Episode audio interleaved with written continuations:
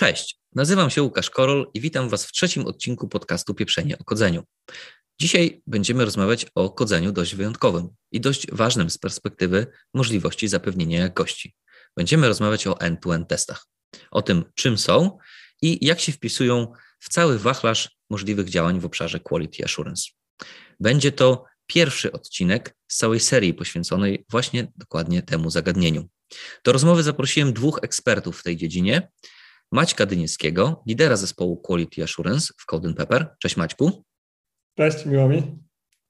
Oraz Arka Jelonka, Senior Quality Assurance Engineera w Code Pepper. Cześć Arek. Cześć Łukasz, jak to się mówi po polsku? Thank you for having me. Great. E, zacznijmy w takim razie od pytania o definicję, o możliwie najprostszą, ogólną definicję tego, e, czym end-to-end testy są. OK, więc testy end-to-end są to testy wysokopoziomowe, sprawdzające oprogramowanie jako całość. Jak sama nazwa wskazuje, od jednego końca do drugiego końca, czyli od frontendu po backend. E, sprawdzają one, czy aplikacja zachowuje się w taki sposób, jak oczekujemy pod względem funkcjonalności, czyli czy dana funkcjonalność aplikacji działa tak, jak należy. Można je rozbudowywać o sprawdzanie e, rzeczy niefunkcjonalnych, e, na przykład tego, czy aplikacja wygląda odpowiednio poprzez dodanie testów wizualnych porównujących screeny z aplikacji, czy na przykład accessibility, ale z samej definicji są to testy funkcjonalne. Nie muszą to być testy automatyczne, E, można je wykonywać manualnie, ale są najczęstszymi kandydatami do tego, by je zautomatyzować. Dzięki temu pozwalają, pozwala nam to zaoszczędzić czas potrzebny na manualne retesty i regresy. Są to testy black box. Ewentualnie, jeśli je automatyzujemy, mogą to być testy grey box. E, cóż to znaczy? Black boxy są to testy, przy których nie mamy wgląd w kodu, w kod aplikacji, nie mamy zupełnie pojęcia, jak ona tam od środka działa, E, mhm. Przy Greyboxach możemy mieć dostęp na przykład do kodu frontendu, żeby pododawać sobie selektory, dzięki którym łatwiej nam będzie po prostu te testy pisać. E, nie są to też tylko testy aplikacji na przykład webowych, czy desktopowych, czy mobilnych. Testami end-to-end możemy przetestować każde oprogramowanie, czy to grę komputerową, mapy z nawigacji w telefonie, mm, nawet jakieś urządzenie embedded, jak na przykład mikrosatelita latający po orbicie geostacjonalnej i wysyłający zdjęcia Ziemi, żeby już podać przykład prawie z kosmosu. E, no i nawet teraz można powiedzieć, że testujemy w ten sposób oprogramowanie, którym nagrywamy ten podcast, ponieważ jeśli zostanie pozytywnie nagranie zapisane na serwerze, to można powiedzieć, że testy zostały wykonane pozytywnie. I ta funkcjonalność nagrywania działa jak powinna. Super, dzięki. To tak, żeby móc e, od strony praktycznej lepiej sobie wyobrazić, czym te end-to-endy są, to chciałem poprosić Was o to, żebyście opisali, jak mm, e, wygląda tak naprawdę codzienność e, takiej osoby, która te test, testy end-to-end automatyzuje. Okej, okay, to może mówiąc żartobliwie, to sporą część czasu obecnie taka osoba poświęca na odpisywaniu na LinkedInie, że nie jest zainteresowana zmianą pracy, bo jak wiemy, ta specjalizacja obecnie przeżywa duży boom i ofert pracy jest e, naprawdę sporo. E, przypomniał mi się taki mem z Piratów z Karaibów, gdzie Jack Sparrow ucieka przed tubylcami na egzotycznej wyspie. Tak mniej więcej wygląda teraz rynek e, rekrutacji w tej dziedzinie. Wiemy o czym mówimy, bo sami rekrutujemy z Maćkiem do Code Pepper i widzimy, jak ciężko jest obecnie pozyskać dobrego specjalistę w tej dziedzinie. A tak wracając już na ziemię, to można by rzec, że jest to praca trochę z pogranicza testera manualnego i dewelopera. Zazwyczaj tester automatyzujący, który jest w projekcie, e, nie może się poświęcić full time na automatyzację, ma też swoje obowiązki testera manualnego. E, musi też on brać oczywiście udział w spotkaniach skramowych, które zabierają mu sporo czasu, tak, ponieważ Konieczne jest, żeby był na bieżąco, e, jak ma się rozwijać dany produkt, dana aplikacja. Także jego dzień zazwyczaj wygląda tak, już kolokwialnie mówiąc, że otwiera borda w Jirze, przegląda jakie etykiety e, zostały oddane do testów, przeprowadza testy manualne, jego chleb powszedni tak naprawdę, zgłasza swoje spostrzeżenia, bugi. No i gdy skończy tą swoją część pracy, to może skupić się na automatyzacji, zakładając, że już mamy rozpisane scenariusze testowe, test case'y, wiemy już, co mamy, co chcemy automatyzować, to otwieramy edytor kodu i zaczynamy tak naprawdę pracę dewelopera, czyli piszemy kod e, w danym języku programowania, tworzymy pull requesty, robimy code review innym testerom automatyzującym. E, jakby dlatego konieczność, jest konieczność e, znajomości tych narzędzi, technologii, z którymi uży, używają też deweloperzy na co dzień, ale o tym pewnie powiemy w dalszej części naszej rozmowy. E, no trzeba też wspomnieć, że tester automatyzujący to jest jakby naturalny krok w rozwoju testera manualnego, pozwalający lepiej zrozumieć, jak działa dana aplikacja, jak działa dany produkt.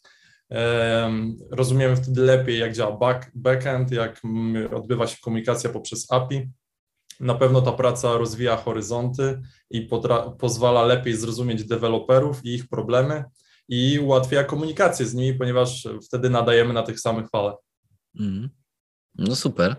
E, to chciałbym, żebyśmy cofnęli się trochę do tych kwestii ogólnych, bo wiadomo, jak mówimy o end-to-end testach i szczególnie ich automatyzacji, no one są jednym z wielu elementów tak, całego wachlarza możliwych działań w obszarze quality assurance, e, a też i też różnych działań w obszarze samej automatyzacji. Więc e, chciałem właśnie zapytać o to, jaką rolę tak naprawdę y, automatyzacja end-to-end testów y, w tym wachlarzu pełni? E, jakie są ewentualnie korzyści wynikające z tego, że się jej, ją, ją stosuje w obszarze quality assurance?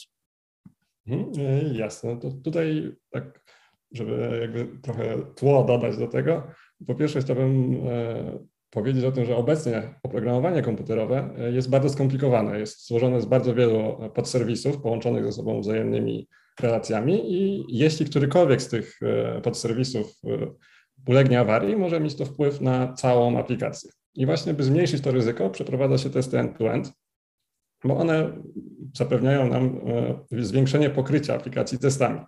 Co za tym idzie, dostajemy większą stabilność i jakość produktu, bo jeśli testy end-to-end przeszły pozytywnie, to mamy pewność, że najważniejsza funkcjonalność aplikacji działa poprawnie.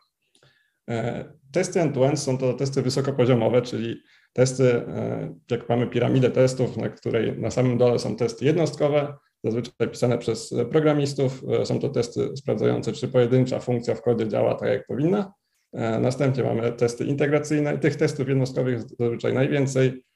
Bardzo miło by było, gdyby pokrycie było ich około 70% w kodzie aplikacji. Następnie mamy testy integracyjne, które sprawdzają, czy już kilka funkcji między sobą działa poprawnie. E, później mamy testy systemowe, czyli czy na przykład sam backend albo sam frontend działa poprawnie i testy na samej górze end-to-end, które sprawdzają nam wszystko razem, wszystkie te serwisy razem połączone ze sobą, czy aplikacja w takim momencie działa poprawnie. E, jeśli mamy takie testy zautomatyzowane, e, to jest to też dla nas duży plus pod względem efektywności, ponieważ dużo częściej możemy takie testy uruchamiać. One się wykonują dużo szybciej, bo automat jest w stanie przeklikać przeklikać aplikację, przejść przez e, aplikację dużo szybciej niż człowiek. E, I również przy automatyzacji takich testów e, mamy możliwość odpalenia takich testów na, nazwijmy to, wielu środowiskach. Czyli na przykład w przypadku aplikacji webowej możemy odpalić takie testy na wszystkich możliwych przeglądarkach, żeby sprawdzić, czy ta aplikacja będzie działała poprawnie na wszystkich przeglądarkach. Dodając też takie testy do procesu Continuous Integration, na przykład odpalając takie testy raz, e, gdy mamy po prostu dużo już tych testów napisanych, aplikacja jest bardzo duża, e, odpalamy takie testy zazwyczaj w nocy, żeby one się wykonały i możemy wtedy dodać jeszcze, jeszcze bardziej rozbudować te środowiska, czyli na przykład sprawdzić, że nie tylko działają na wszystkich przeglądarkach, tylko na Windowsie, ale czy działają na wszystkich przeglądarkach na Windowsie, na Linuxie i na macOSie. Wtedy już mamy pokrycie no, zupełne. E, pod tym względem, pod względem testowania funkcjonalności, a manualne przejście takich testów zajęłoby testerowi manualnymi, manualnemu bardzo dużo czasu, a automaty robią to w nocy, więc jest to bardzo, bardzo przyjemne. E, cóż jeszcze tu można dodać? To może takie podsumowanie, że właśnie end-to-endy dają nam oszczędność czasu, e, szybszą informację zwrotną, o, to jest bardzo ważne, gdyż jest takie ogólne podejście w projektach scrumowych, żeby jak najszybciej dawać feedback do tego, co jest, e, jako że to jest metodologia zwinna, zależy nam na tym, żeby na koniec sprintu dowieść już jakąś funkcjonalność w pełni działającą, więc najlepiej by było jak najszybciej dać deweloperowi feedback, czy dana funkcjonalność już działa. Dzięki testom automatycznym możemy to zrobić szybciej, Właśnie wraz z zastosowaniem CI również dostajemy to, że więcej razy są te testy uruchamiane, mamy, możemy sprawdzić na większej wariacji środowisk testowych, przez co budowane jest zaufanie do aplikacji, daje nam poczucie stabilności i zmniejsza ryzyko oraz konieczność wykonywania manualnych regresji i retestów. Mhm.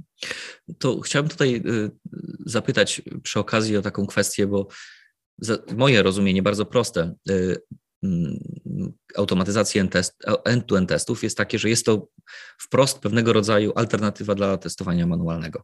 Tak? I e, bo teoretycznie te testy można też wykonać manualnie, ale możemy też je zautomatyzować. I w momencie, gdy je automatyzujemy, no wiadomo, uzyskujemy bardzo wiele korzyści, o których tu Maćku mówiłeś, tak? Czyli i dużo większej efektywności e, tego procesu, tak ogólnie biorąc pod uwagę czas za, e, e, zaangażowania wszystkich osób, które odpowiadają za quality,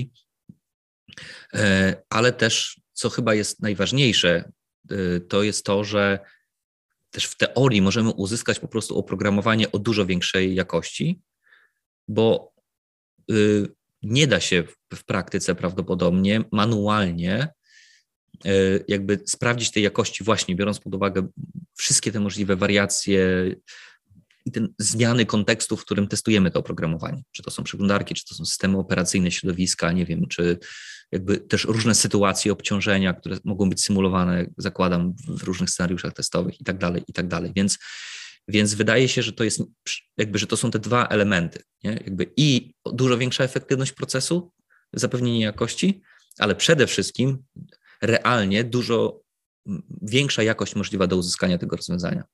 Mhm, dokładnie. Mhm. Okej, okay, super. To mm, wygląda to w teorii wspaniale, tak? Bo, bo jak automatyzujemy end-to-end testy, to mamy dużo, y, dużo lepszy produkt, y, dużo większej jakości i pracujemy dużo efektywniej. Natomiast ciekawe jest to, że jak popatrzymy na rzeczywistość y, wykorzystania end-to-end testów, czy automatyzacji end-to-end testów, żeby być w pełni poprawnym, no to okazuje się, że w wielu przypadkach, w wielu procesach developmentu one nie są wykorzystywane tak? I przynajmniej taka, takie jest moje doświadczenie. I to nie jest y, standardem, że one zawsze są. Y, często w tych procesach developmentu one nie są stosowane i nie są elementem zapewnienia jakości. I to, co chciałem Was zapytać, żebyśmy spróbowali wspólnymi siłami zidentyfikować wszystkie czynniki, które Waszym zdaniem to powodują, czyli czynniki, które powodują, że no z jakiegoś powodu, mimo że to jest o wiele lepsze narzędzie i o wiele lepsze podejście do, do zapewnienia jakości, to, to, to dlaczego, dlaczego nie jest wszechobowiązujące, dlaczego w każdym jednym projekcie, w każdym jednym produkcie nie widzimy end-to-end testów? Okej, okay, to tak jak już wspomniałeś, tak kolorowo nie jest, że pomimo tego, że mamy tak dużo korzyści z używania end-to-end testów, automatyzowania end-to-end testów, to je robimy zawsze. Myślę, że tutaj tak naprawdę mamy cztery główne czynniki tego stanu rzeczy.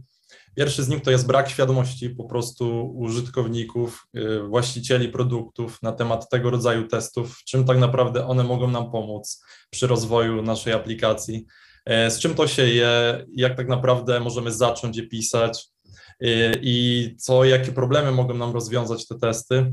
Także tutaj świadomość wśród właścicieli oprogramowania często jest dosyć słaba E, często klient po prostu nie ma żadnego doświadczenia z daną technologią, w ogóle z programowaniem i jakby skupia się wtedy na tym, żeby e, całość przekazać do software house'u, takiego jak my e, na przykład i wtedy my możemy się tym zająć i to jest super, bo mamy już swoje wypracowane metody, procesy, możemy wtedy to wszystko zaplanować od A do Z, ale często klient też ma jakiś zespół deweloperski po swojej stronie, i wtedy, jeśli ma ze sobą jakiś background związany z testami, to wtedy może oczywiście mieć ta jego świadomość być większa. Ale to jest raczej nie takie e, częsta sytuacja. Mhm. E, drugi taki czynnik, myślę, że to jest brak budżetu na ten cel, ponieważ wiemy obecnie przez pandemię wiele firm straciło sporo budżetów związanych, na, związanych e, ze swoimi aplikacjami. Także tutaj, jeśli nie ma pieniędzy na, w ogóle na rozwój danej aplikacji, no to ciężko tutaj mówić o dołożeniu jeszcze pieniędzy na testy automatyczne. Trzeci taki czynnik to myślę, że to jest brak zasobów ludzkich. Jeśli mamy jakiś swój zespół deweloperski już u klienta, no to ciężko jest y, też spodziewać się, że on będzie posiadał takich, takie osoby, ponieważ ciężko jest znaleźć w ogóle takich specjalistów na rynku teraz. Tak jak już wspomniałem wcześniej, sami borykamy się z tym problemem zatrudnienia odpowiedniego fachowca, który nie dość, że będzie pisał testy end-to-end, to jeszcze na przykład uruchomi je w narzędziach do CI/CD, e, bo jest jakby to temat e, nieroz, jakby nierozerwalny z, tym, e, z tymi testami, z automatyzacją testów. No i czwarty taki czynnik, myślę, że to jest brak czasu.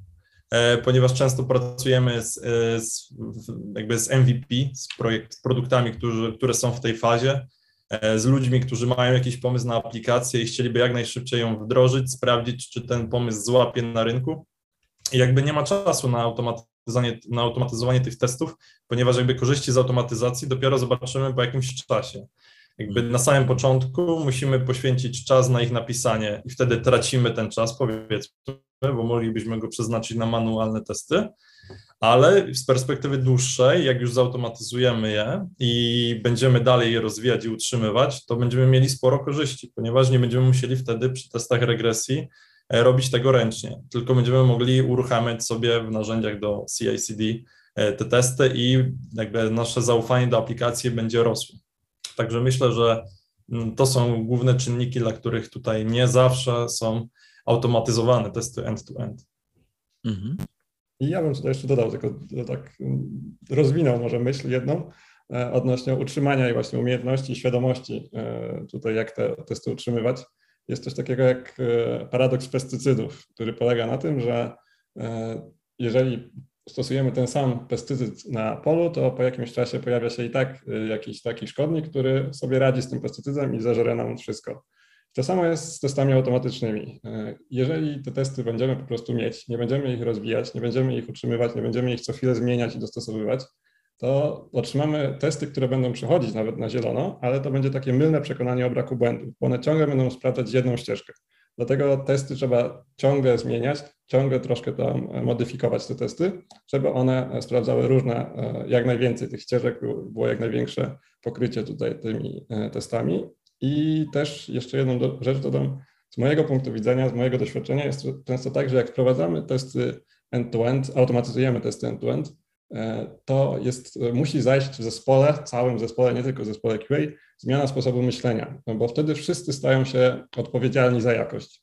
I jako przykład tutaj podam coś takiego, że jeżeli wepniemy te testy w CI/CD, na przykład będziemy je uruchamiać na e, pull requestach, i powiedzmy jakiś deweloper e, dodaje swoją nową funkcjonalność zgodnie z, z tam wymaganiami, otwiera pull request i na tym pull requestie nie, te testy nie przechodzą, wy, wy, wywracają się, tak to nazwijmy, e, i wtedy najczęściej słyszy się od takiego dewelopera, że on w ogóle tamtej funkcjonalności, dla której te testy się wywaliły, nie tykał, więc czemu on ma teraz coś tam patrzeć, coś sprawdzać, o co tu w ogóle chodzi, te testy w ogóle wywalmy najlepiej, bo one nam czasu więcej zabierają, bardziej nam przeszkadzają mhm. i to jest właśnie takie trochę myślenie, że ja tam tego nie dotykałem, więc to nie jest mój problem, niech ktoś inny się tym zajmie.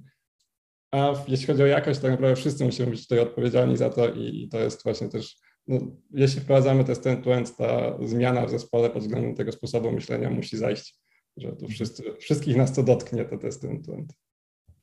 Dokładnie. Ciekawe e, jest to, co mówicie. Ja bym dodał tutaj rozwinął może jeden element, jeden czynnik, o którym e, tu Arek wspominał, ten, to kwestię braku czasu, tak? czyli kwestię tego, że ktoś mówi, dobra, no nie mamy czasu, chcemy szybko zrobić release, chcemy wypuścić MVP, no to nie będziemy wydłużać tego procesu poprzez mm, spędzanie czasu na e, napisanie testów end-to-end. I to jest jakby, można na to też trochę z innej perspektywy spojrzeć, z perspektywy takiej, jak, jaki ktoś w danym momencie ma trochę horyzont, e, w którym myśli o swojej inwestycji w dane, w dane rozwiązanie. Tak? Czyli, bo to, to, z czym ja się spotkałem w przeszłości, to jest to, że oczywiście jak mamy do czynienia z kimś, kto inwestuje w produkt na jakimś bardzo wczesnym etapie rozwoju, czyli mówimy o jakimś startupie budującym swoje MVP, no to rzeczywiście ten horyzont czasowy, o którym ten ktoś mówi i w, w, w jakim też chce osiągnąć jakiś pewien cel, a najczęściej to jest cel w ogóle, nie wiem, zweryfikowania tego produktu, wyjścia na rynek i tak dalej, jest po prostu krótki.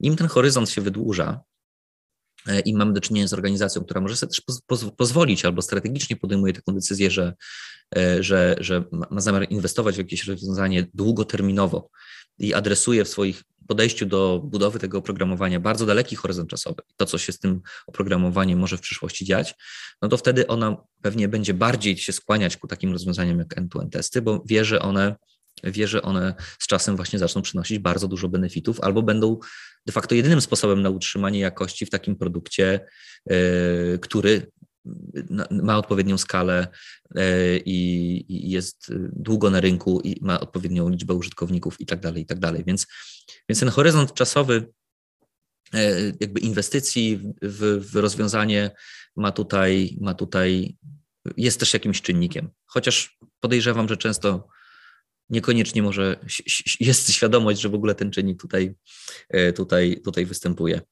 Super, to jak rozmawialiśmy o tym, E, mówiliśmy sobie o tym, właśnie jakie korzyści tak naprawdę płyną y, z y, automatyzacji end-to-end testów. Potem popatrzyliśmy sobie na to, że to nie jest taka mm, piękna i różowa sytuacja, że jest wiele elementów, które mogą nam, y, mm, no, które powodują, że, że to nie jest metoda stosowana zawsze. Więc od razu rodzi się pytanie, kiedy w ogóle nie powinniśmy rozważać end-to-end testów jako metody i może, może są y, takie sytuacje, w których po prostu od razu powinniśmy zrezygnować z nich jako elementu quality assurance. E, jasne. Ja tutaj z mojej perspektywy, z takiego idealnego świata bym powiedział, że zawsze warto pójść z tymi testami end-to-end, ale no, zdarzają się takie projekty, na przykład jakieś bardzo małe. Mm, powiedzmy, że dodajemy tylko landing page i to taki, w którym wiemy, że to jest po prostu zmiana designu i jak później w przyszłości będziemy zmieniać ten design, no to on będzie zupełnie inny i jakby wszystko będzie trzeba od, przepisać od nowa, więc nie będzie jakiegoś tutaj utrzymywania czy dodawania nowych funkcjonalności do tego.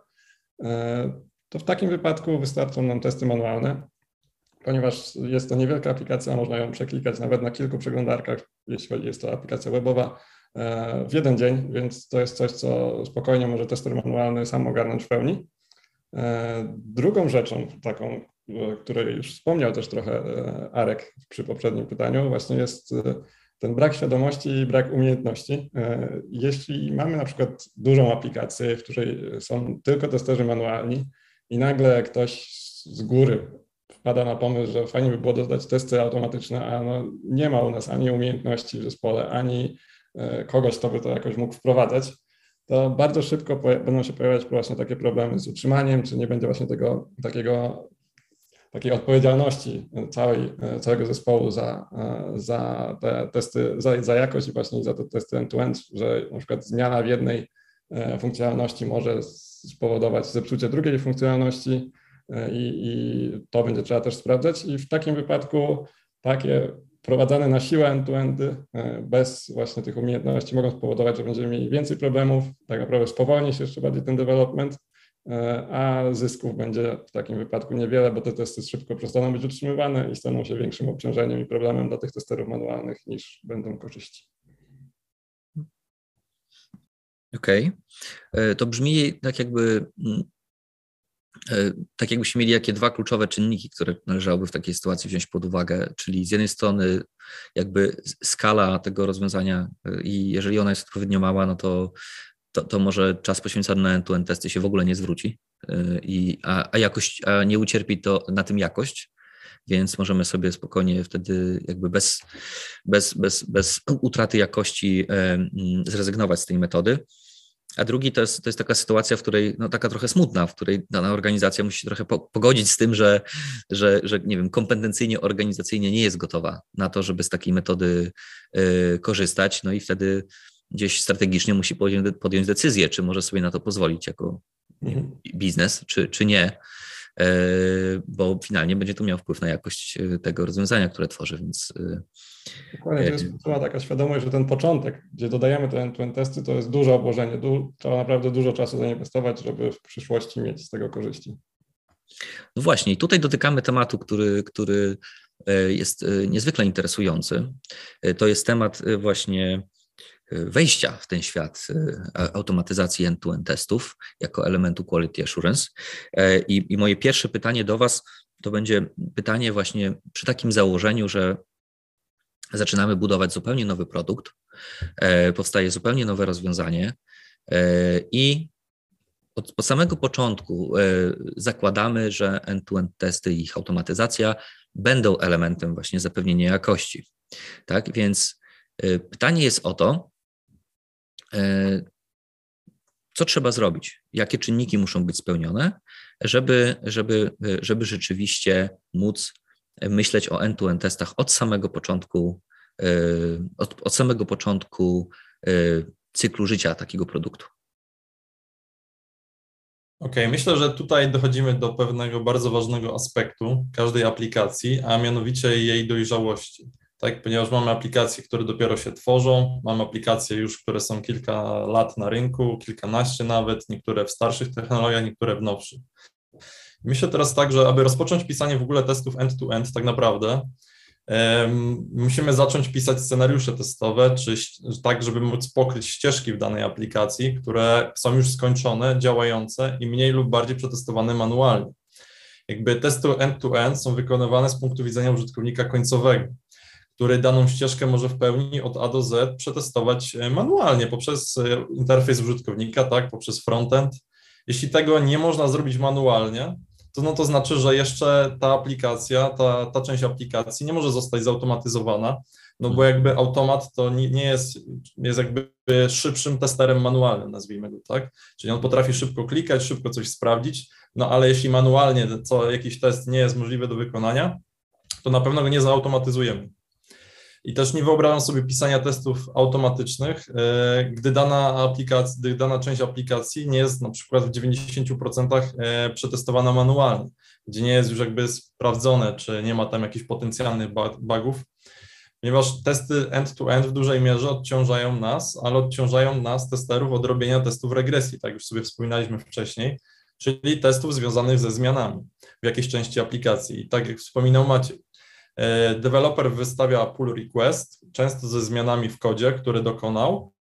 No i załóżmy, że wtedy w tym przypadku zauważy, że jakiś test się wysypał i sfailował. No i często mówi, że on wtedy nic tam nie zmieniał. No ale właśnie to jest ta kluczowy element tych testów end-to-end, -end, że one właśnie są takimi dodatkowymi parami oczu, które patrzą, czy właśnie w tych miejscach, które nikt nie dotykał, nie zostały jakieś zmienione rzeczy.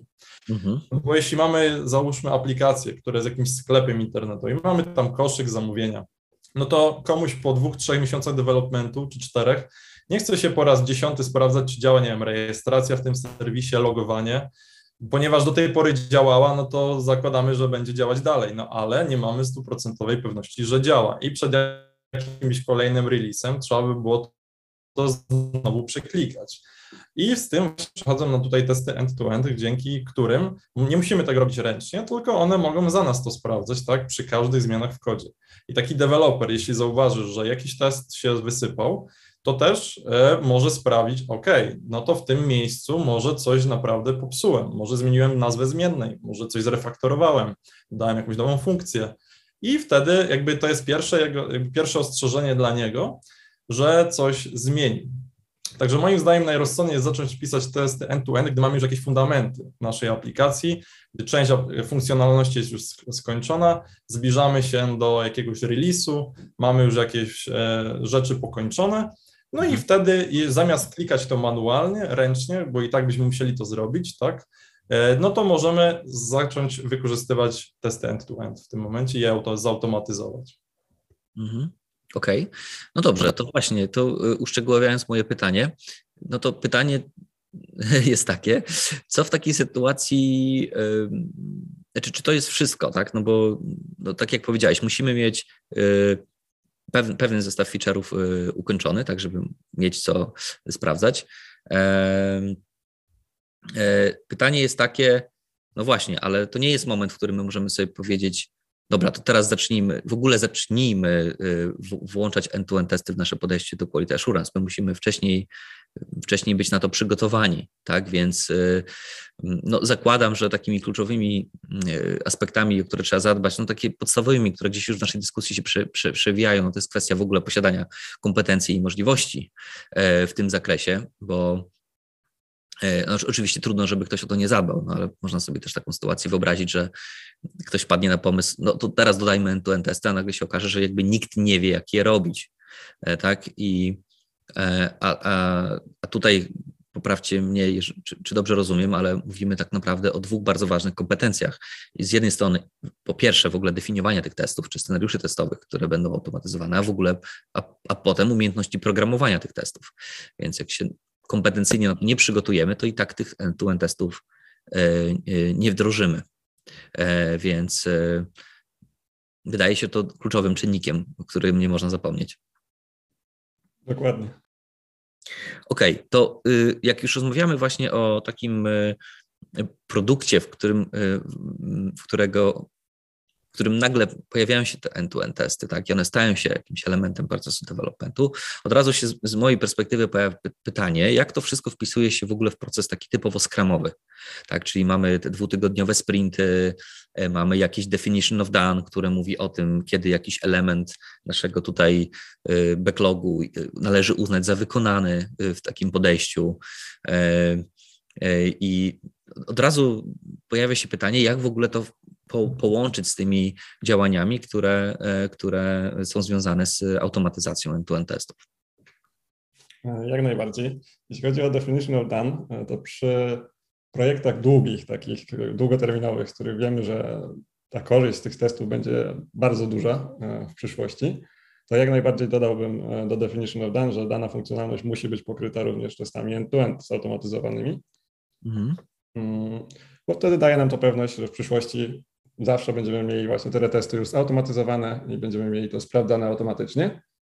E, jeśli projekt jest krótszy, e, to niekoniecznie, bo na przykład daje nam to wtedy taką, e, jako że to Scrum jest też agilem, więc dostosujmy sobie to wszystko, żeby było zwinne i dostosowywało się pod nas cały ten proces. Zazwyczaj jest tak, że jak jest początek sprintu, to testerzy QA mają troszkę mniejsze obciążenie, a większe pod koniec.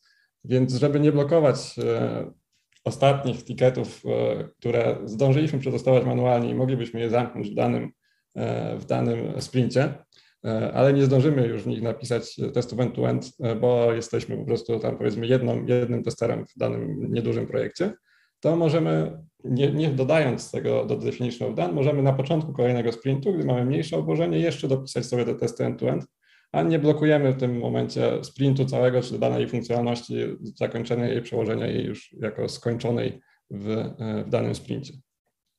E, też jedną z stosowanych praktyk jest praktyka N plus 1. E, jest to testowanie funkcjonalności i pisanie testów end-to-end dopiero w kolejnym sprincie. Z mhm. mojej perspektywy jest to niezbyt dobra e, praktyka, ponieważ w tych skramowych, w ogóle we wszystkich agile'ach w Kanbanie tak samo, chodzi o to, żeby jak najszybciej dać feedback, czy dana funkcjonalność działa. Jeżeli te rzeczy będziemy testować i pisać do nich testy dopiero w kolejnym sprincie, to nie dość, że będziemy znajdować błędy te funkcjonalności, które teoretycznie już były zaimplementowane i produkt owner myślał, że jest, już to mamy i będziemy niedługo to wypuszczać na produkcję, e, to jeszcze będziemy przerywać pracę nad kolejnym featurem, nad kolejną funkcjonalnością deweloperowi, który będzie musiał teraz przełączać branże, wracać z powrotem do tego, co robił dwa tygodnie temu, przestawiać całe myślenie z powrotem na tamten poprzedni, e, tamtą poprzednią funkcjonalność, żeby móc te błędy po, e, poczyścić. E, właśnie, żeby też ten feedback mieć jak najwcześniej, bardzo dobrą praktyką jest zastosowanie continuous integration, bo wtedy te testy będą uruchamiane albo na pull requestach. Jeśli tych testów jest niedużo, możemy na pull requestach uruchamiać wszystkie. Jeśli już aplikacja rośnie, tych testów jest coraz więcej, na pull requestach uruchamiajmy tylko smoke testy, czyli testy, które testują podstawowe funkcjonalności, a pełne testy end-to-end niech uruchamiają się w nocy i na pewno e, testy end-to-end w takim wypadku zautomatyzowane muszą być uruchomione przed releasem, żeby mieć też potwierdzenie, że tutaj nic się nie zepsuło. E, bardzo fajną e, funkcjonalnością jest dodawanie czegoś takiego jak feature flags, bo to umożliwia nam wyłączenie danej funkcjonalności, jeśli nie działa. Czyli jeśli bardzo nas ciśnie jakiś termin i musimy w danym dniu wypuścić coś na produkcję, bo bez tego będzie no, problem jakiś finansowy, e, dzięki Feature Flags możemy zablokować te funkcjonalności, dla których na przykład testy end-to-end nie przeszły nowe, które też dochodziły po prostu teraz do, do aplikacji, ale jeszcze nie są w pełni zaimplementowane, są w nich jakieś błędy, więc wyłączmy je, a i tak możemy wypuścić aplikację na produkcję i ta funkcjonalność, która była kluczowa, będzie już tam na produkcji. Kolejną fajną rzeczą, którą dają nam testy end-to-end w procesie scrumowym, jest to, że w Scrumie i w Kanbanie, ogólnie w, właśnie w zwinnych metodykach jest mało czasu na tworzenie dokumentacji. Mhm. A testy end-to-end są świetną formą udokumentowania tego, jak aplikacja działa. Czyli jeśli mamy aplikację pokrytą testami automatycznymi end-to-end, możemy wejść w testy automatyczne i przeczytać, że tak działa logowanie, tak działa zrobienie transakcji, tak działa to, a to, bo mamy to po prostu opisane w testach end-to-end. Mhm. E, bardzo ważną rzeczą jest e, przy automatyzacji ogólnie pamiętać, pamiętanie o unhappy pathach, czyli e, ścieżkach pod takie test case'y, w których coś ma się wydarzyć, powiedzmy to niedobrego, czyli na przykład użytkownik zapomni wypełnić jakieś pole, wymagane pole w formularzu i będzie chciał przejść dalej i co się wtedy stanie. Bo to są bardzo często pomijane case'y i często właśnie błędy wychodzą przy takich e, momentach. I ostatnią rzeczą, na którą e, w projektach scrumowych i tak naprawdę we wszystkich projektach, w których mamy testy end-to-end, e, należy pamiętać, jest w takim idealnym świecie, żeby te testy end-to-end odpalać na środowisku, które jest idealną kopią produkcji. Dzięki temu mamy pewność, że na produkcji ta aplikacja będzie działała dobrze. Jeśli tego nie zrobimy, jeśli to środowisko jest na przykład, odpalamy te testy end-to-end na środowisku deweloperskim, który ma no, inne jakieś zmiany tam poda- potrzebne po, dla deweloperów, może się okazać, że na produkcji ta aplikacja nie będzie działała tak samo, a testy end-to-end nam przeszły. E, żeby po prostu pominąć te błędy, żeby wychwycić te błędy związane z konfiguracją środowiska, odpalajmy ten test end-to-end na środowiskach, które są kopią produkcji. Muszę tu potwierdzić słowa Maćka, że właśnie często w projektach nie ma dokumentacji, a gdy mamy już napisane jakieś testy end-to-end, to szybkie spojrzenie na nie i od razu wiemy, jak ta aplikacja ma się zachowywać, na jakie strony zostać, mamy przekierowanie, nie wiem, po logowaniu, po rejestracji, e, jak ma dana funkcjonalność działać, także to jest super też pod tym kątem.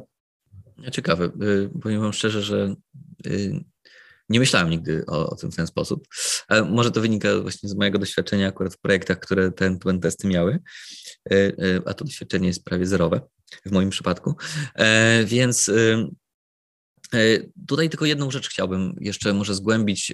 To jest wracając do samego Scrama i Definition of Done bo tak wydaje mi się, nie, nie, wiem, czy tutaj się zgodzicie z tym, że można tutaj myśleć o właśnie dwóch drogach, znaczy dwóch bardzo różnych podejściach. Albo włączamy end-to-end testy dla każdego jednego nie wiem, elementu backlogu czy feature'a jako e, element definition of done i wtedy no, trudno po prostu metodą, zgodnie z metodyką skramową nie uznajemy ich za zakończone, jeżeli rzeczywiście, nie wiem, na przykład te end-to-end testy nie zostały e, w jakimś tam zakresie, nie wiem, po pierwsze zdefiniowane, po drugie zautomatyzowane i nie przeszły na takim, a nie innym środowisku.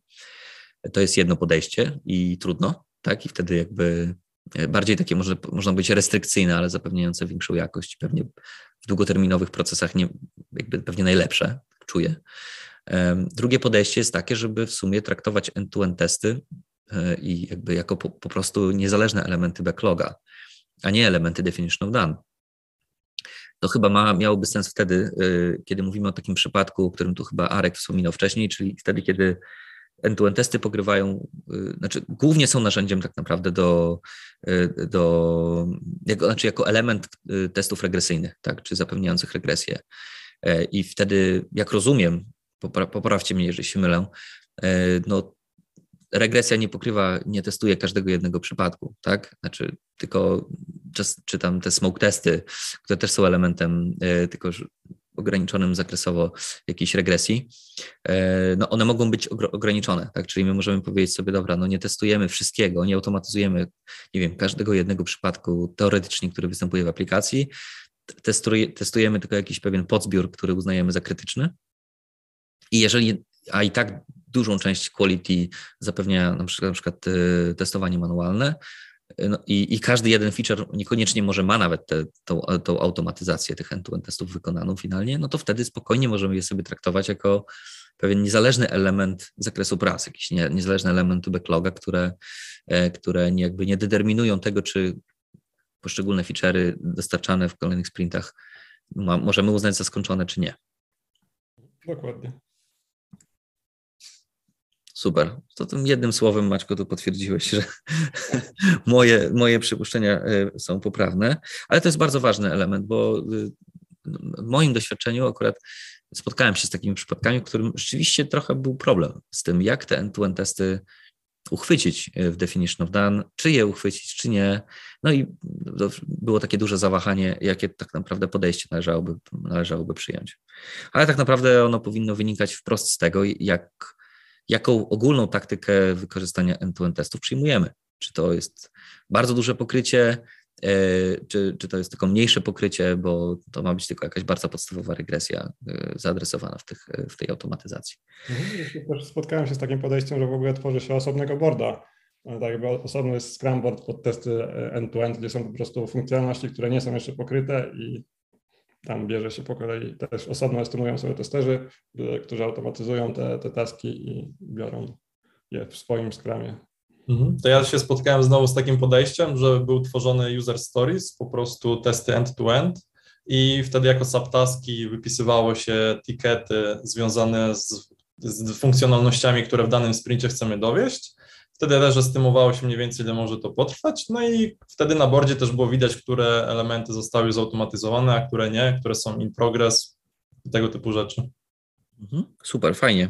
To teraz chciałbym z Wami porozmawiać o E, o takiej sytuacji e, troszkę innej, e, sytuacji, w której mamy do czynienia z oprogramowaniem, które już jest jakiś czas rozwijalne i, i w jego, hmm, tak nazwijmy to, w podejściu do zapewnienia jakości w ogóle nie stosowano do tej pory automatyzacji end-to-end testów, tak? Czyli mamy produkt czy rozwiązanie, które na przykład było do tej pory nawet kilka lat testowane tylko i wyłącznie manual, manualnie i pojawia się pewna, po, pewien pomysł, y, no to przejdźmy w takim razie w jakimś zakresie y, na automatyzację end-to-end testów. No i y, pytanie jest takie, czy dobrze wydaje mi się tak intuicyjnie, że to jest troszeczkę trudniejsza sytuacja niż sytuacja, o której mówiliśmy wcześniej, czyli wprowadzenia end-to-end testów do produktu, który dopiero powstaje. E, a drugie pytanie jest takie, jakie byśmy mieli w tym zakresie dobre praktyki, jeżeli takie rzeczywiście można zidentyfikować. Tak jak tu trochę już e, Maciek wspomniał wcześniej, wszystko zależy od zespołu, jaki mamy. Jeśli mamy zespół, który składa się tylko z testerów manualnych, no to ciężko im narzucić, że hej chłopaki albo dziewczyny, słuchajcie, od jutra tam zaczynamy automaty, weźcie tam się, nauczcie danego frameworka, nauczcie się programować, co to jest zmienna funkcja i od jutra spróbujemy coś podziałać w tym temacie, deweloperzy Wam pomogą.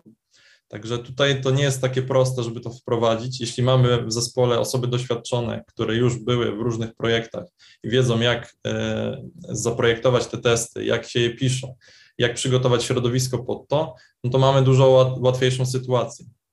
I z mojego doświadczenia tutaj wynika, że łatwiej jest zacząć pisać od samego początku te testy, o ile mówimy o rozpoczęciu pisania testów od zera w, w danym produkcie. Łatwiej wtedy możemy zaprojektować proces, jakiś workflow, jak coś ma konkretnie wyglądać, jak coś ma konkretnie działać, jaką strukturę mają mieć testy, jaką, e, jakiego narzędzia użyjemy, tak jakiego frameworku, jakiego biblioteki, bo na rynku mamy kilka do dyspozycji i możemy sobie wtedy wybrać technologię.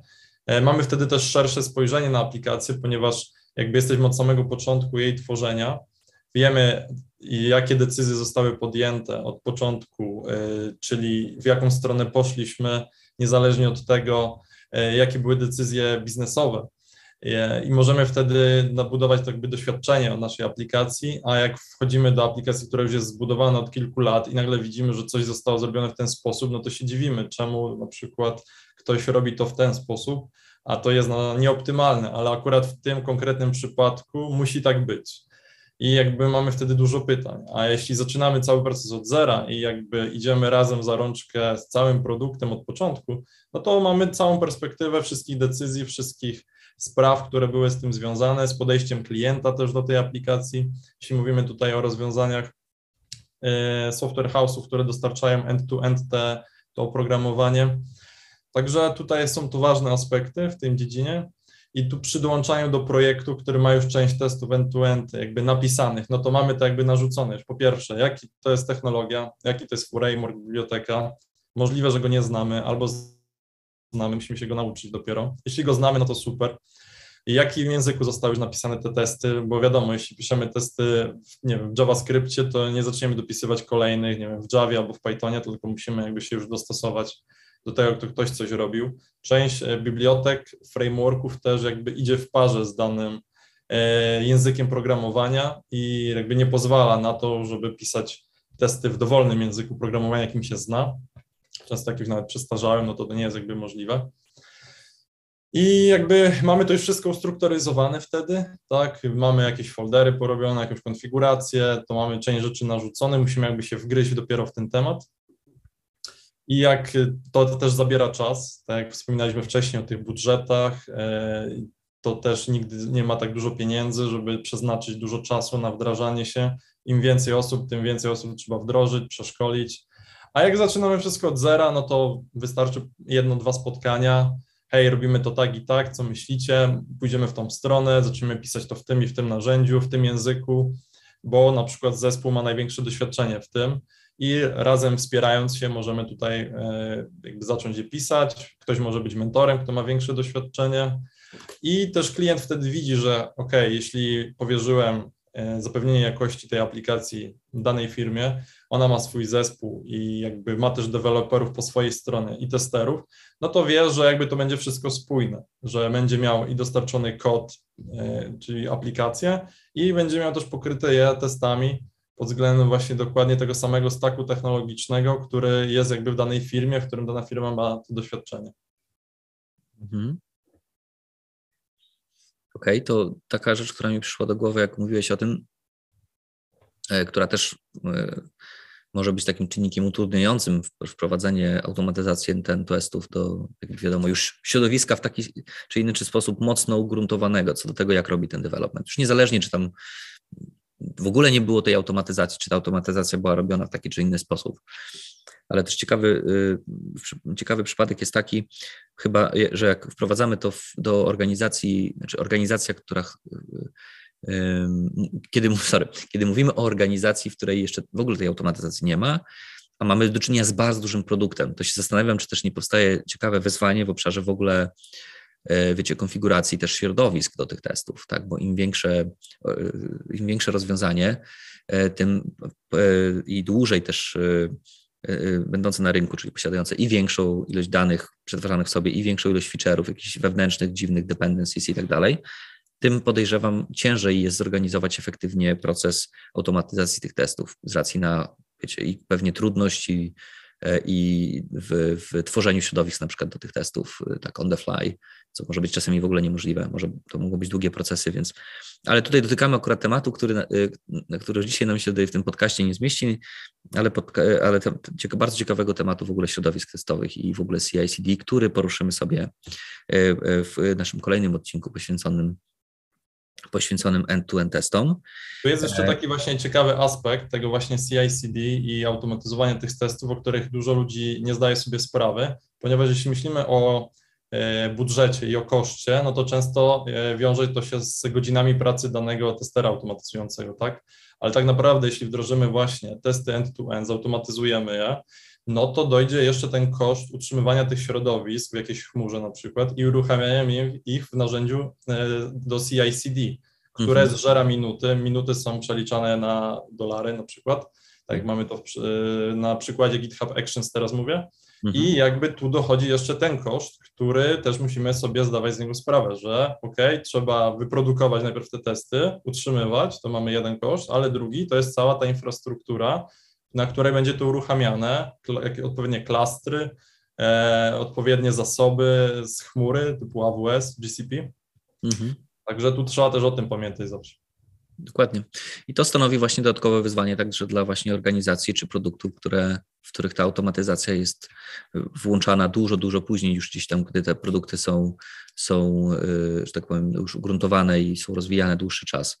Bo w przypadku nowych produktów można po prostu to zaplanować sobie mieć tego świadomość i być na to przygotowanym, a w przypadku produktu, który już jest rozwijany jakiś czas, to może być przykra niespodzianka, że nagle de facto nam te koszty też rosną w jakichś obszarach, może w których niekoniecznie chcielibyśmy, żeby rosły. Super, fajnie. To w takim razie e, jeszcze bym wrócił teraz do tematu, który w jakimś sensie poruszyliśmy już i troszeczkę będziemy się powtarzać z tym zagadnieniem, ale mimo wszystko chciałbym je trochę rozwikłać. To jest kwestia właśnie łączenia, czy łączenia, czy może pewnego balansu pomiędzy tym, ile z tych end-to-end testów automatyzujemy, a ile z tych end-to-end testów jest wykonywanych manualnie. Y, ja osobiście y, spotkałem się, ale nie mam dużego doświadczenia w tym, wy macie na pewno chłopaki większe, ale spotkałem się kiedyś w praktyce z takim podejściem, właśnie bardzo takim, mm, nie wiem jak je nazwać, ale tak z takim podejściem, że zero manuali, pełna automatyzacja, e, i które wydawało się takie dość y, dość rewolucyjne. E, tu w międzyczasie już sobie powiedzieliśmy o tym, że można mieć zupełnie inne podejście do tego i ty, Arek, sam mówiłeś, że w ogóle ty uważasz, że 90% y, y, y, funkcjonalności powinno być przetestowanych manualnie, zanim w ogóle będziemy to automatyzować.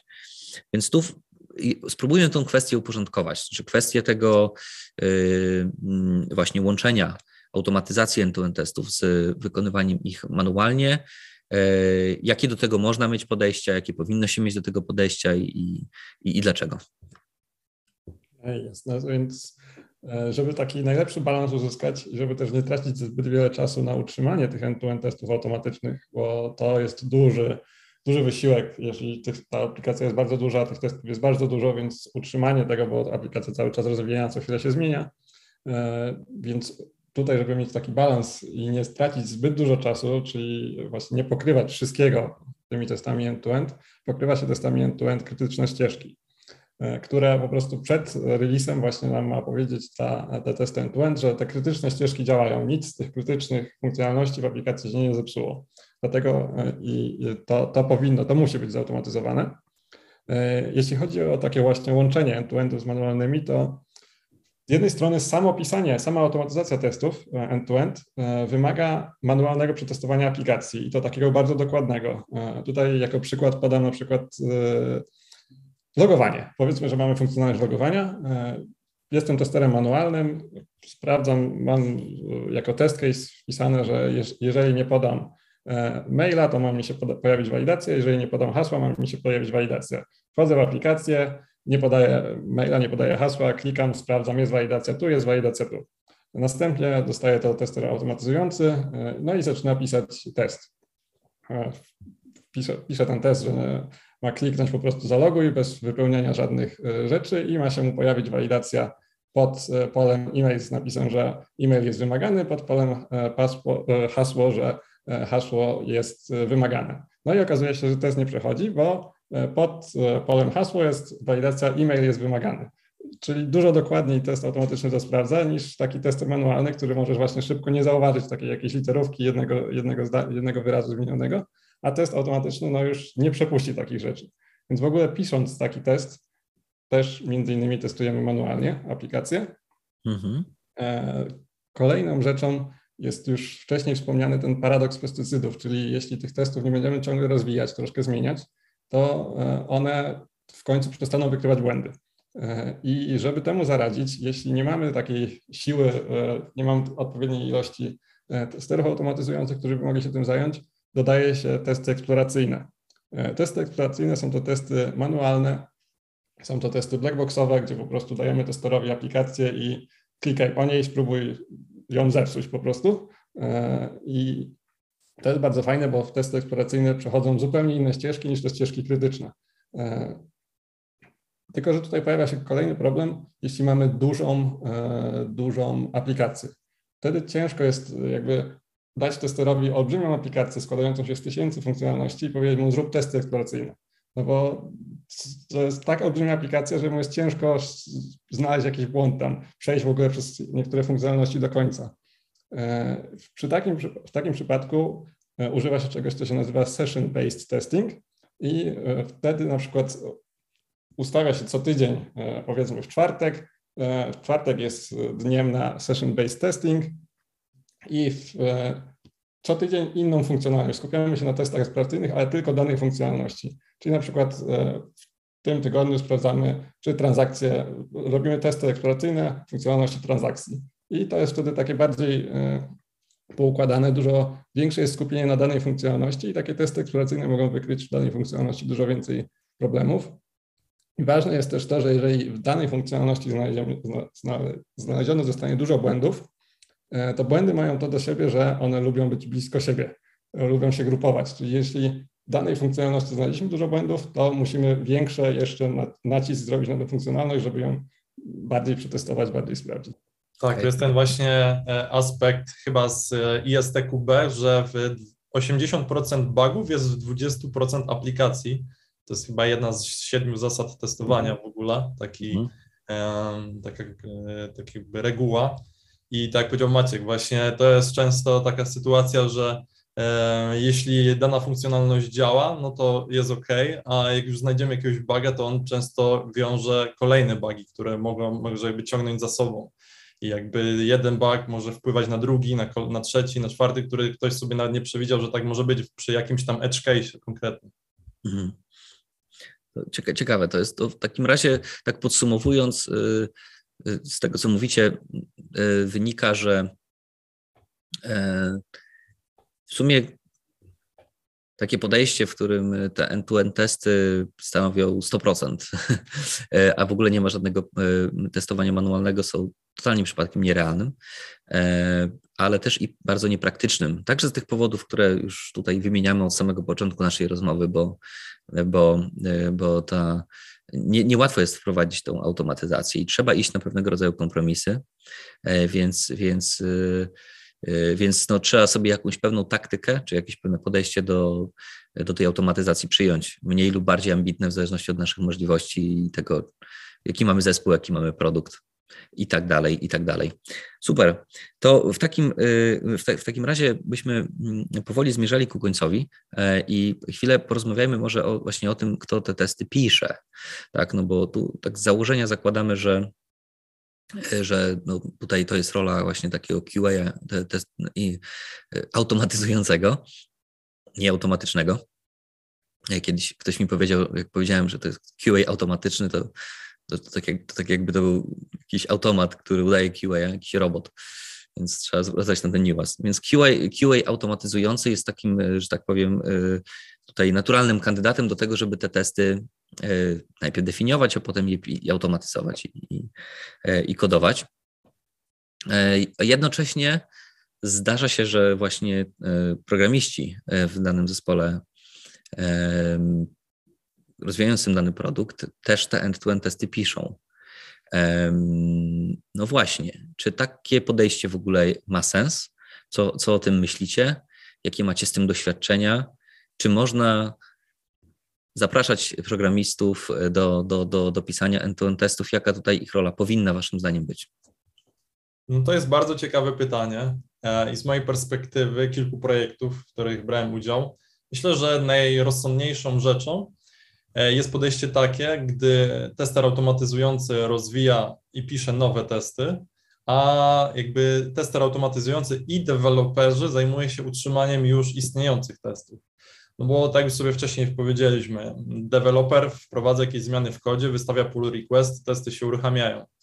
I załóżmy, że zmienił coś w kodzie i dany test się wysypał, e, jakby nie dlatego, że jest tam jakiś bug, tylko dlatego, że zmienił się, nie wiem, nagłówek, zmienił się jakiś selektor i tak naprawdę to jest drobna zmiana, którą można szybko naprawić i która nie jest bugiem też ale jeśli tego nie zostanie naprawione to jakby przez dewelopera, no to w którymś momencie on to zmerdżuje do naszej głównej gałęzi, tak? No i jakby te testy da, będą dalej nam nie przechodzić i jeśli będziemy czekali, aż tylko tester automatyzujący na to spojrzy i na, to naprawi, no to kolejny deweloper, kolejny, kolejny, który wystawią swoje pull requesty w tym oknie czasowym, w którym nie zostało to naprawione, no to będzie myślał, ok, no to w tym miejscu pewnie jest ten, ten bug, e, tak by ten test jest nieaktualny, dlatego nie przechodzi, a tam nie ma żadnego buga. Także trochę zaczynamy, zmniejszyć nam się liczba tych testów i zaczynamy trochę, zmniejsza nam się e, zaufanie do tej aplikacji. Też jakby z doświadczenia wiem, że deweloperzy nie są chętni do utrzymywania tych testów, nie mają dużego doświadczenia e, mhm. z frameworkami do właśnie automatyzowania testów end-to-end, -end, ale to by było taki idealny świat właśnie, w którym my piszemy jako testerzy automatyzujący te testy, uczymy zespół, jak one wyglądają, co robią, każdy ten test, jakby jest samo też, jeśli są te testy dobrze napisane, to one same się komentują, nie trzeba dodawać komentarzy, no bo jeśli mamy jakąś metodę klik i mamy selektor, który używając Page Object Model nazwiemy, nie wiem, e, main button in top up bar, no to każdy będzie wiedział, że jak jest metoda click i ten selektor, no to wiemy w co klikamy, a po drugie jak go uruchomimy ten test, nie wiem, w trybie graficznym i zobaczymy jak ta, e, ten framework klika, no to wiemy co on robi. E, także to są jakby taki aspekt tego. I też byłem kiedyś poproszony o zrobienie audytu w jednym projekcie, w którym tylko deweloperzy pisali te testy end-to-end. No i jak się można domyślić, oni nie mieli dużego domyślać, to oni nie, nie, ma, nie mieli wcześniej dużego doświadczenia z automatyzowaniem, no ale klient się uparł, że potrzeba jest tam wdrożenia testów end-to-end. Nie było też w tym projekcie żadnego QA, nawet manualnego. No i właśnie poproszono mnie, żebym zrobił tam audyt, no i było widać, że to nie było zrobione dobrze, a tylko, że ta aplikacja była już duża, bardzo dużo było tych testów.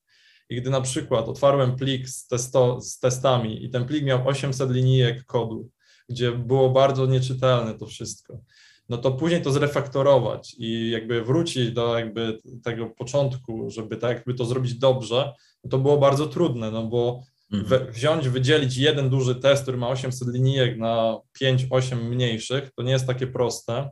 Wprowadzić jakiś page object model też nie jest proste już w istniejącej aplikacji, a tak naprawdę wystarczyło, że gdy rozpoczynał się development, już mieliśmy część funkcjonalności skończonych, zaprosić takiego testera automatyzującego, który by przygotował całą strukturę, środowisko, napisałby kilka testów, pokazał tym deweloperom, jak on to zrobił. Oni mogliby się wzorować, no bo jeśli mamy już napisane 5-10 testów, no to ktoś zobaczy, ok, tu mamy selektory, tu mamy metody, tu mamy testy, trzymamy się, żeby jeden tam test nie miał więcej niż 100-200 linijek, jeśli ma mieć więcej, no to wydzielamy to na mniejsze części, żeby było łatwiejsze w utrzymaniu i wtedy tych problemów by nie było. A gdy już mamy, jesteśmy na tym dalszym etapie, no to niestety borykamy się z e, jakby refaktorem i to dosyć poważnym tym refaktorem.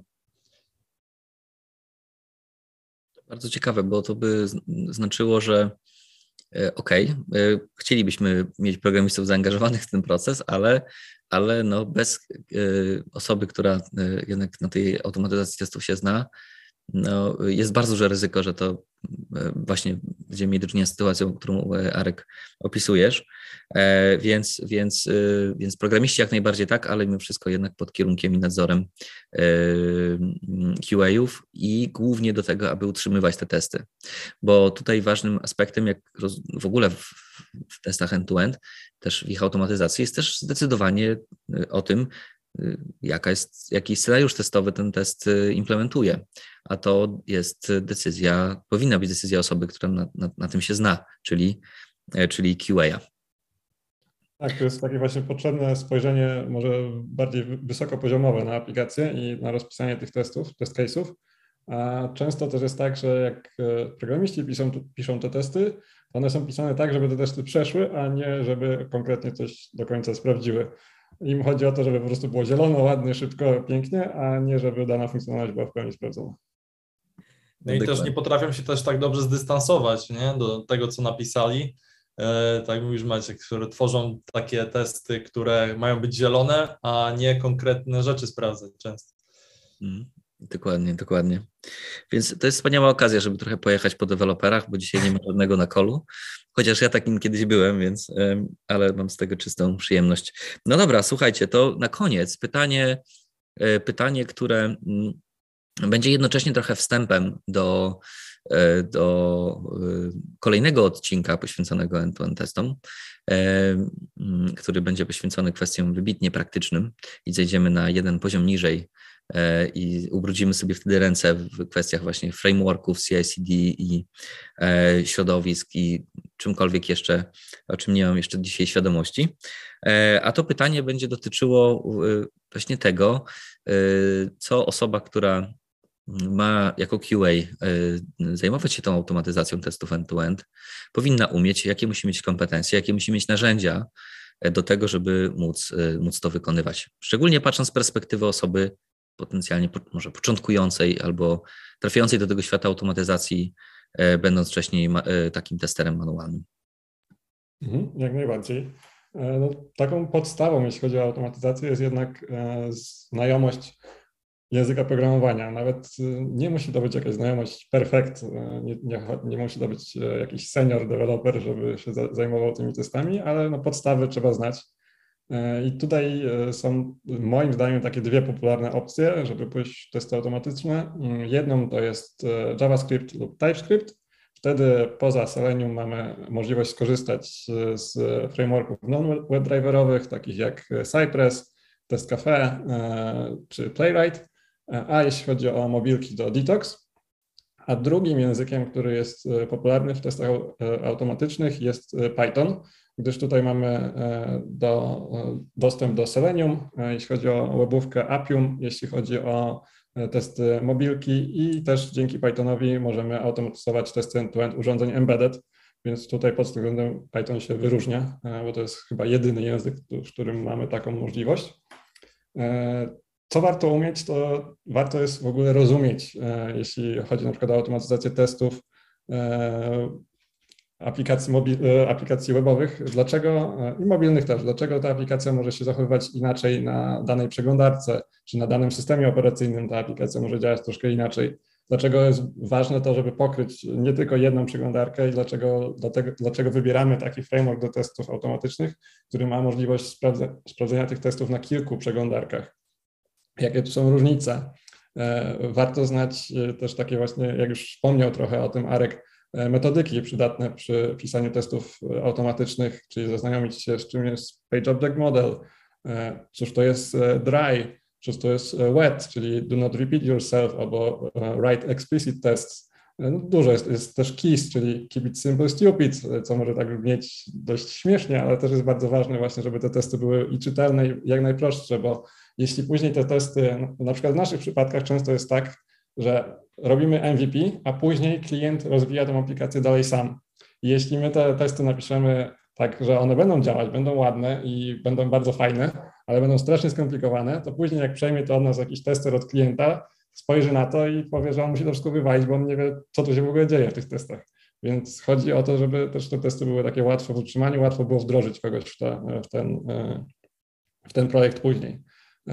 No właśnie, warto też w ogóle byciu testerem e, trochę wiedzieć o tej e, teorii testów, bo jak podchodzimy do automatyzacji testów, to może nam się wydać, że tych case'ów jest straszna ilość, które musimy zautomatyzować, a takie techniki jak klasy równoważności lub wartości brzegowe pozwolą nam bardzo zmniejszyć liczbę e, test case'ów, efektywnie obniżyć właśnie liczbę przypadków testowych, które musimy pokryć testami. Jak zacząć z automatyzacją z punktu widzenia takiej osoby, która nie ma z tym doświadczenia. Mm, z mojej perspektywy bardzo fajnym pomysłem jest rozejrzenie się e, za jakąś open source'ową aplikacją, która nie ma jeszcze testów end-to-end dopisanych. Na przykład wejść sobie na GitHuba i wyszukać sobie e, sklep w, w Reakcie wpisany, napisany. E, zobaczyć, w ogóle znajdzie, znajdziemy w takim przypadku bardzo dużo projektów open source, które mają już testy end-to-end dopisane, co jest dla nas świetną perspektywą, żeby sobie zerknąć w to i zobaczyć, jak ludzie to robią na takim realnym już przykładzie. E, gdy znajdziemy taki sklep, e, na przykład w tym Reactie, już trzymajmy się tego przykładu, e, który nie ma napisanych testów end-to-end, to spróbujmy pobrać tę aplikację. Jeżeli nie mamy doświadczenia z niczym tak związanym w ogóle z programowaniem, nic, no to pierwszą tutaj rzeczą będzie dla nas odpalenie tej aplikacji. Już się czegoś nowego nauczymy, jak taką aplikację w ogóle odpalić. Później jak zasetapować framework pod takie testy end-to-end, to no, zaznajamiamy się tutaj z dokumentacją, na przykład w przypadku Reacta, żeby odpalić aplikację, no to trochę z e, Nodem, jeśli żeby później napisać te testy end-to-end, na przykład z Cypressem, jeśli chcemy tutaj pójść w JS-a i TS-a. E, następnie, jak już mamy postawiony ten framework, jak zacząć pisać te testy, czyli przechodzimy przez tą dokumentację Cypressa, równocześnie uczymy się też trochę o JavaScriptie, żeby wiedzieć, co my w ogóle piszemy tam, jak to utrzymywać. E, I ostatecznie, jak napiszemy nawet nie wiem, jeden czy dwa testy, to wystawmy już pull request e, na, ten open source'owy projekt i tak społeczność tego open source'owego projektu zrobi nam review i to jest bardzo super moim zdaniem pomysł, no bo już będziemy mieli jakiś feedback od innych, czy my zrobiliśmy to dobrze, czy niedobrze i też będzie to bardzo fajnie wyglądało w CV później, że udzielamy się w projektach open source i mamy po prostu tutaj nasze, nasze komity, nasze pull requesty są, tak, tak wyglądają w ogóle nasze testy, jak my to piszemy. Mhm. I z takim czymś, jak przyjdziecie do nas na wannabe, no to, to my będziemy bardzo szczęśliwi. O, dokładnie, dokładnie. Chciałbyś, Arek, coś do tego dodać? Tak, no chciałem tutaj wspomnieć właśnie o tym wachlarzu umiejętności, które taka osoba powinna umieć, bo właśnie tak już Maciek wspomniał. Pierwszą rzecz to jest jakiś język programowania. Trzeba wiedzieć, co to jakaś zmienna jest, e, co to jest funkcja. Nie trzeba znać jakoś super, nie wiem, obiektowości, tego jakichś tam interfejsów, jakichś abstrakcji. To jakby rzadko jest raczej używane w testach. To jest jakby takie drugorzędne rzeczy. Później wybór frameworka, jak on działa, mamy dokumentację, możemy przejrzeć, tak już Maciek wspomniał. Później jak napiszemy jakiś kod, no to musimy go wrzucić, a żeby go wrzucić, no to musimy znać jakiś system kontroli wersji, czyli kolejne narzędzie nam przychodzi, na przykład Git, tak, jakie mamy komendy w Gicie. Tak naprawdę wystarczy nam 5-8 komend podstawowych i możemy ruszać. Jakby to jest fajne, że w każdym tym aspekcie, o którym mówię, e, tak by podstawowa wiedza wystarcza. Podstawowa znajomość języka programowania, ok. Podstawowa znajomość frameworka, ok. Podstawowa znajomość Gita, tak samo. Później, e, jeśli mamy e, jakieś właśnie pull requesty, mamy jakąś aplikację e, typu open source, ona jest na przykład napisana w Reactie. Później jak działa NPM, jak się uruchamia w ogóle taką aplikację, co to jest Yarn dla właśnie tutaj dla kontrastu dla NPM-a jak wygląda to środowisko uruchomieniowe, jakie mamy wersje Node'a, co to znaczy, że jakiś Node jest LTS, jakby dużo rzeczy nam tutaj dochodzi. No jak uruchomimy tę aplikację, to dochodzą nam też takie aspekty, jak ta aplikacja działa, czyli jak wygląda komunikacja z, backend, z backendem, co to jest API, że my sobie możemy mokować responsy, które wracają, requesty, że możemy je przechwytywać i poczekać, że hej, kliknij w ten baton dopóki, dopóki yy, wtedy, gdy wróci nam response z odpowiedzią z serwera. Bo też jest taki problem często w testach end-to-end, że one nie czekają na nic, tylko leci, leci, leci po kolei, na przykład Cypress, napiszesz mu, że ma kliknąć tu, tu, później tam, no to on nie będzie czekał, aż przyjdzie response, tylko będzie chciał pójść dalej. I to jest też e, właśnie często te testy potrafią sfailować, dlatego że nie zdążyło się coś wykonać na stronie, bo było jakieś opóźnienie. Bo jakby w Cypressie nie ma tej asynchroniczności takiej fajnej, zrobionej, że ok, że mamy async awaita, tak jest to zrobione w Playwrightie, że dopóki się nie zrobi komenda wyżej, to ta komenda niżej nie pójdzie dalej, tak by, tak, w tej naszym stosie e, metod, które wykorzystujemy we frameworku.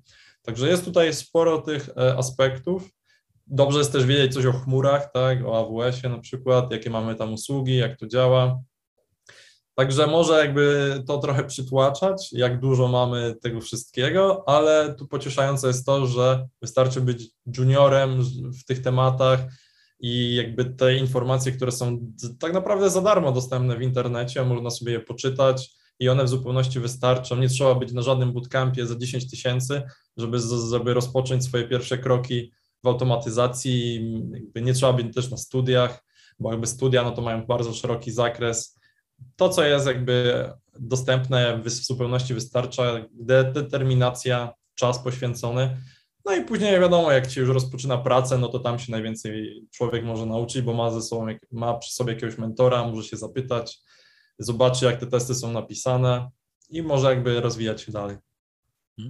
Super, brzmi to bardzo optymistycznie e, i na pewno też takie jest. Więc e, bardzo dziękuję chłopaki za rozmowę. E, krótko spróbuję podsumować, bo to była taka rozmowa, która właśnie eksplorowała ten, ten aspekt automatyzacji ten testów end-to-end. I po to, żeby właśnie sobie trochę te pojęcia i jakby rolę tego podejścia umiejscowić w, i dobrze zrozumieć w szeroko pojętym procesie developmentu jakiegoś rozwiązania software'owego. E, I moje podsumowanie brzmiałoby tak, że y, no, automatyzacja ten testów jest ewidentnie y, bardzo korzystnym y, podejściem i bardzo ważnym w, w obszarze quality assurance, ale jak praktyka pokazuje, nie tak łatwym do wdrożenia. I jest wiele czynników, które będą nam to wdrożenie y, takie idealne, perfekcyjnie uniemożliwiać. E, więc ważna jest kwestia pewnej właśnie taktyki, przyjęcia pewnej taktyki i, i pewnego świadomych decyzji w obszarze tego, co automatyzujemy i dlaczego, co bardzo mocno będzie determinować to, jakie kompetencje musimy mieć w swoim zespole, żeby móc rzeczywiście tę automatyzację wdrażać. Tak, więc no i pocieszające jest to, że nie jesteśmy tutaj sami. Na chwilę zostanę QA przez chwilę. Nie jesteśmy sami w tym obszarze, bo możemy tutaj w ten proces i powinniśmy też wciągać programistów i docelowo budować właśnie taką kulturę, gdzie to cały zespół odpowiada za jakość tego rozwiązania, a nie tylko biedny, zamknięty w piwnicy tester manualny. Więc i jak widzicie, i to, co chłopaki, mówili na koniec, y, no, pokazuje też, że ten, ten, y, ta automatyzacja e, mimo wszystko jest mocno, mocno osadzona w kwestiach technicznych i w tym świecie technologii. E, I jak chcemy to w praktyce wdrożyć, no to musimy zostać programistami w jakimś zakresie.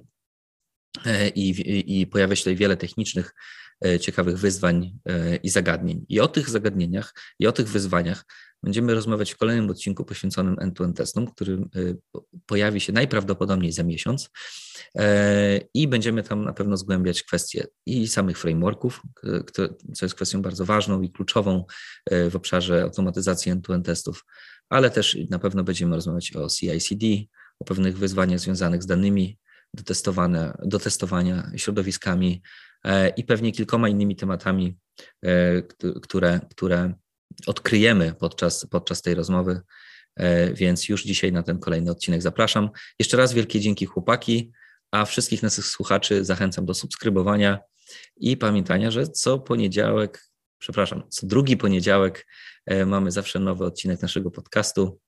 E, do usłyszenia. Dzięki, bardzo było miło pogadać. Do usłyszenia. Cześć, na razie.